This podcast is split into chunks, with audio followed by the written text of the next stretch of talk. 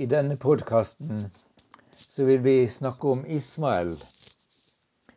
Det er en del av undervisningen vår på Kristkirkens Timoteus bibelundervisning fra Det første testamentet, våren 2022. Historien om Ismael er ikke blant de temaene som blir oftest nevnt i kristen forkynnelse og undervisning. Men meg utfordrer den på flere måter. Gud sier om Ismael at han vil velsigne ham og gjøre ham svært tallrik. Første Mosebok 17, 20. Hvis Gud vil velsigne, da må også jeg være med på å velsigne. Men hvordan kan jeg gjøre det? Og hvordan kan Den kristne kirke velsigne Ismaels ett i dag? Det nye testamentet sier at den viktigste måten å velsigne på, er å gi mennesker evangeliet om Jesus. Har Kirken og kanskje jeg personlig sviktet i forhold til Ismaels etterkommere, er det tid for å fornye kallet til å velsigne. Og hvis vi vil velsigne, må vi også elske. Gud kaller oss til å elske og velsigne Ismaels ett. Det er utfordringen jeg kjenner på. Når vi i denne artikkelen også spør hva rabbinsk jødedom og islam lærer om Ismael, så er vårt utgangspunkt at det er Bibelens historie som formidler sannheten om ham. Rabbinsk jødedom er tolkninger som må prøves på om de stemmer med Bibelens beretning. Med hensyn til islamsk lære om Ismael gjelder det i enda større grad. Islam oppsto lang tid etter Det gamle testamentet, og mer enn 600 år etter at Det nye testamentets tekster ble til. Islams selvforståelse av at den representerer den fullkomne og endegyldige sannhet. Den kaller all førislamsk historie for uvitenhetens tid. Like fullt har Koranen hentet mye av sitt innhold fra både Det gamle testamentet og Det nye testamentet. Men en skal ikke ha lest mye i Koranen før en ser at mye av Bibelens innhold er forvrengt. Det gjelder bl.a. historien om Ismael. Mer om dette senere i podkasten. Navnet Ismael, eller Gismael, er sammensatt av det hebraiske verbet shama, å høre, og el, Gud. Det betyr hørt av Gud. Setningen lyder på hebraisk Yahweh ki, ja, ki shama Yahweh al-anich som betyr 'For Javé har hørt din bønn'. Ismaels mor Hagar hadde rømt med gutten fra Sarai fordi hun ble ydmyket.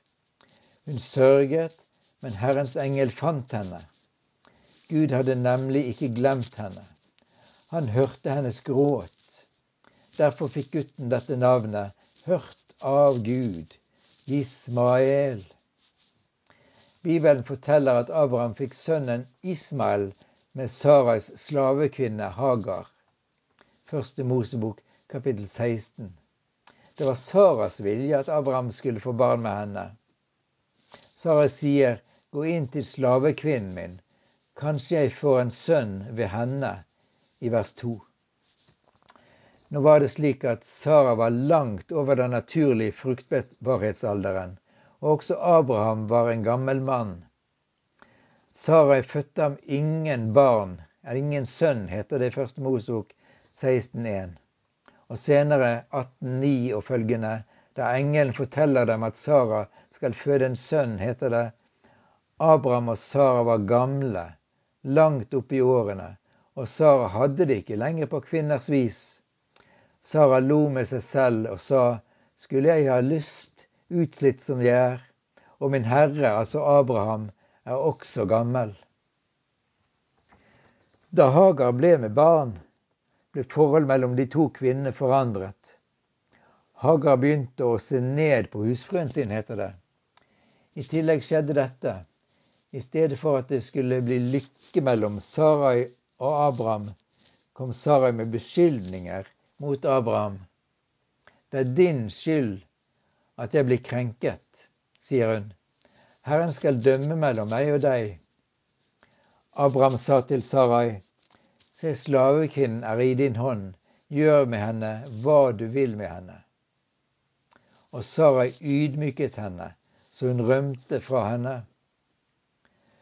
Sarai og Abraham hadde ikke tålmodighet til å vente på at Gud skulle oppfylle det løftet han hadde gitt om en sønn. Derfor handlet han som ofte kalles store, det store trosforbildet, Abraham, i vantro.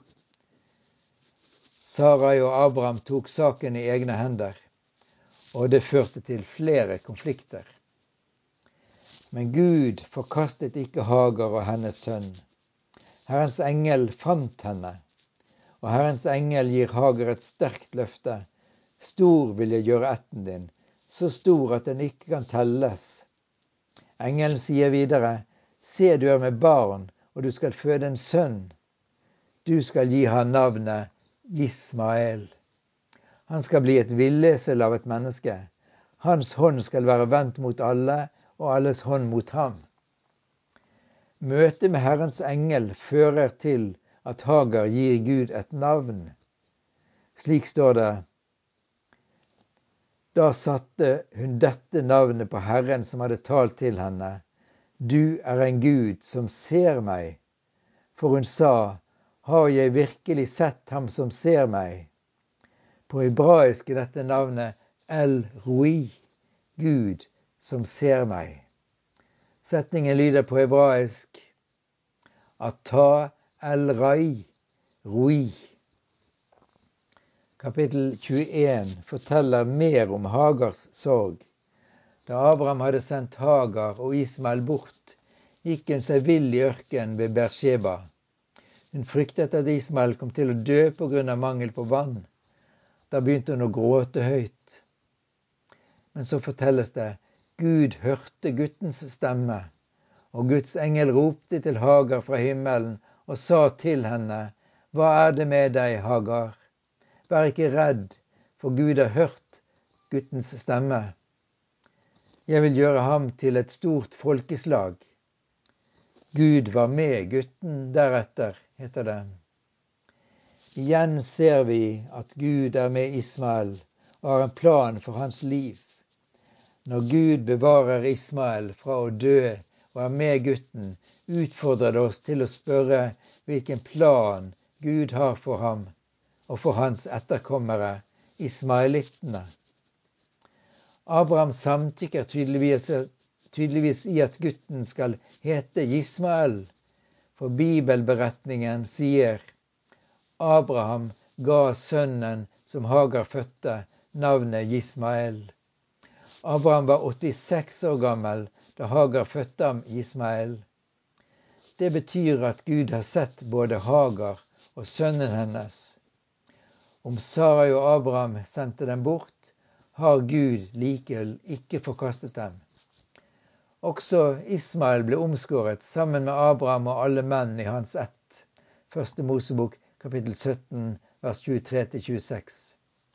Siden fortelles det at både Ismael og Isak var til stede da deres far døde. Første Mosebok kapittel 25. Konflikten mellom Ismael og Isak har altså ikke vært større enn at de kunne møtes igjen om sin felles far Abraham. I Israels historiske nedtegnelser fortelles det også om Ismaels ett, første Mosebok kapittel 25 fra vers 12. Etterkommerne ble kalt ismaelitter. De bosatte seg øst for Egypt i retning Assur, fortelles det. Det dekker deler av de, det vi i dag regner som det arabiske folk. Og så til eh, rabbinsk litteratur. Hva sier senere jødisk rabbinsk litteratur om Ismael? Ismael omtales for det, for det meste negativt, men kan også omtales positivt. Navnet Ismael har blitt tolket som at Gud hører Israel når de plages av ismaelittene. At Ismael plaget Isla, Isak, blir et tegn på at ismaelittene alltid kommer til å plage Isaks etterkommere, israelittene. Abraham drev etter Saras ønske Ismael bort fra sitt hus. Hagar og Ismael slo seg ned ved den brønnen som ble skapt på skapelsens sjette dag, sier rabbinske kilder. Men en engel protesterte. Hvorfor skal Ismael få vann når hans etterkommere siden prøver å ødelegge Israel gjennom tørst, sier de rabbinske kildene. Og ifølge rabbinsk litteratur giftet Ismael seg med en moabittisk kvinne med det arabiske navnet Aisha eller Adisha. En annen rabbinsk tekst sier at han giftet seg med en egyptisk kvinne, Meriba. Senere giftet han seg med Fatima. Hun tok vennlig imot Abraham da han ville besøke sin sønn Ismael. Deretter kom Ismael tilbake til Kanaan, der han slo seg ned ved siden av sin far Abraham. Rabbinsk, litteratur sier også at den som ser Ismael i en drøm, blir bønnhørt av Gud. Så langt rabbinsk jødisk litteratur. Og så en titt på Det nye testamentet. Det er sparsomt med, is, med omtale av Ismael i Det nye testamentet. I Galaterbrevet skriver Paulus mye om Abraham og hans to sønner, der den ene, Ismael, er et bilde på loven, og den andre, Isak, på evangeliet. Det var om Isak løftet ble gitt. Paulus skriver i kapittel 4 fra vers 22. Det står jo skrevet at Abraham hadde to sønner, en med slavekvinnen Hagar og en med den frie kvinnen Sara. Slavekvinnens sønn Ismael ble født etter naturens orden. Den frie kvinnes sønn Isak ble født ved Guds løfte. Dette har en dypere mening. Kvinnene står nemlig for to pakter. Den ene, Hagar, er pakten for Sinai-fjellet. Hennes barn ble født til slaveri. Hagar er Sinai-fjellet i Arabia og svarer til det nåværende Jerusalem, som lever i slaveri med sine barn. Men det Jerusalem som er i det høye, er fritt, og det er vår mor, skriver Paulus. Og dere søsken, som er barn ut fra løftet, slik som Isak. Men han som var født etter naturens orden, forfulgte ham som var født ved Ånden, og slik er det også nå. Men hva sier Skriften? Driv bort slavekvinnen og sønnen hennes. For slavekvinnens sønn skal ikke arve sammen med den frie kvinnes sønn. Altså, søsken, er vi ikke barn av slavekvinnen, men av den frie kvinne. Så langt Paulus i Galaterbrevet. Slik er Paulus' allegoriske utlegging av historien om Ismael og Isak inn i konteksten om lov og evangelium. Paulus sitt poeng synes ikke å være omtale av Ismael og hans ett negativt, men å bruke Ismael og Isak som bilder på forskjellen på loven og evangeliet. Dermed vil også jøder og kristne som tror at de blir frelst ved å holde loven, stå i fare for å bli Ismaels ett, dvs. Si slavebarn. Akkurat slik det var i Galatermenigheten. Derimot er kristne som holder evangeliet som eneste vei til frelse, den frie kvinnens barn, slik som Isak. Hva kan vi lære om, fra historien om Ismael? Bibelen er gitt oss for at vi skal lære den. Moses skrev også historien om Ismael for at vi skal lære noe. Når vi leser og grunner på denne historien, vil Den hellige ånd undervise oss. Det første og viktigste Den hellige ånd vil lære oss, er hvem Gud er. Men det er også mye annet å lære fra historien om Ismael. Vil du ha et bibelstudie om det, anbefaler jeg artikkelen om Who is Ismael in the Bible? Du finner den på biblestudytools.com. Og så må vi ha med noen ord om hva islam sier om Ismael. Islam er Ismael eller Ismail regnet med blant profetene. Ifølge islam er han også en av stamfedrene til Mohammed, profetenes seil.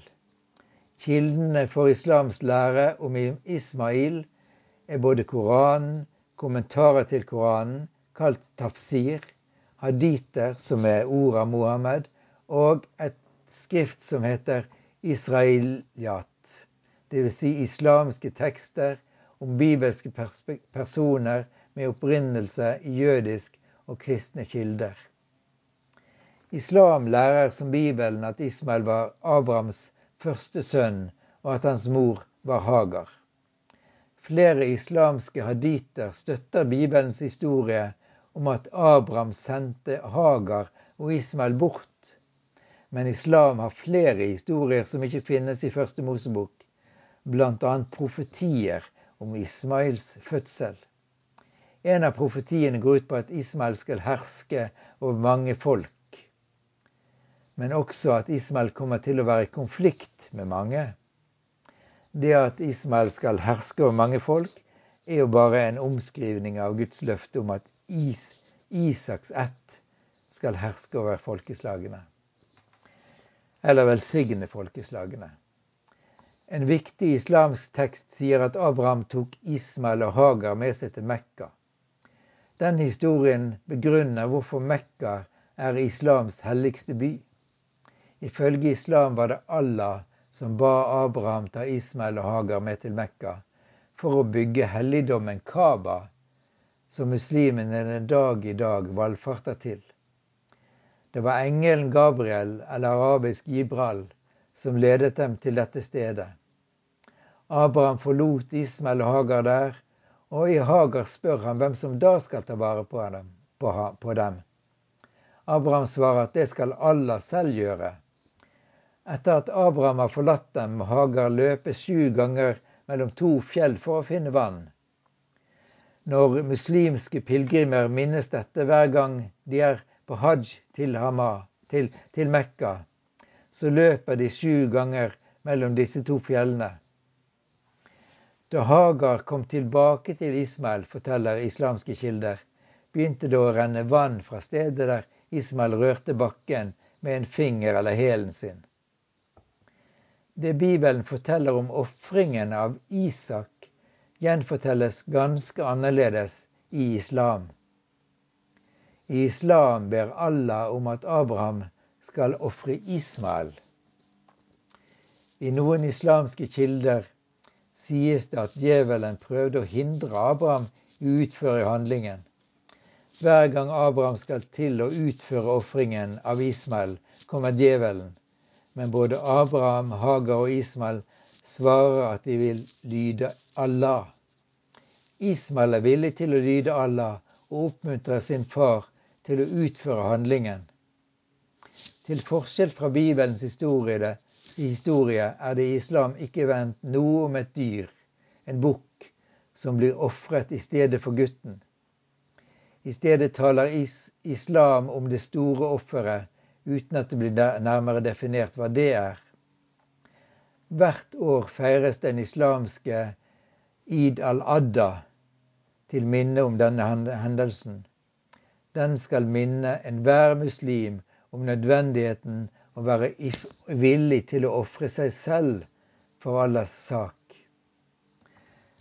Selv om islam offisielt lærer at det var Ismael som skulle ofre seg sin far Abraham, så er det en stor debatt blant muslimske lærde om det var Ismael eller Isak. 131 tidlige islamske tradisjoner sier at det var Isak, mens noe flere, 133, sier at det var Ismael. Etter Hagars død giftet Ismael seg ifølge islam med en kvinne fra stammen Jurhum, som bodde ved kilden Sam-Sam. Abraham besøkte Ismael der, forteller islam. Det er mange ulike og motstridende historier om byggingen av Kaba, den svarte steinen i Mekka. Men alle sier at det var Abraham som enten bygget eller renset den. Deretter beordrer Allah Abraham til å innstifte hajj, pilegrimsreisen til Mekka og Kaba. Hvilken sammenheng er det mellom Ismael og araberne? Etter at islam var etablert, ble Ismael og hans etterkommere, ismaelittene, assosiert med og kalt arabere i jødiske, jødisk og kristen litteratur. Jødiske midrasjer omtaler etter hvert Ismael mer og mer negativt. Araberne regner sin genealogi tilbake til Abraham eller Ibrahim via Ismael, mens i jødisk genealogi går den via Isak. Muslimene ser på Ismael som den som er utvalgt og velsignet av Allah, mens det for jødene og i Bibelen er Isak som er den utvalgte og velsignede. Så kan vi spørre er det noe poeng i å vite hva islam lærer om Ismael, og for så vidt andre spørsmål? Ikke for vår egen kristne tro, men om vi blir vitne for muslimer om vår tro på Jesus som oppfyllelsen av alle Guds løfter, og som verdens frelser, er det ikke uten betydning at vi også kjenner til muslimene tro.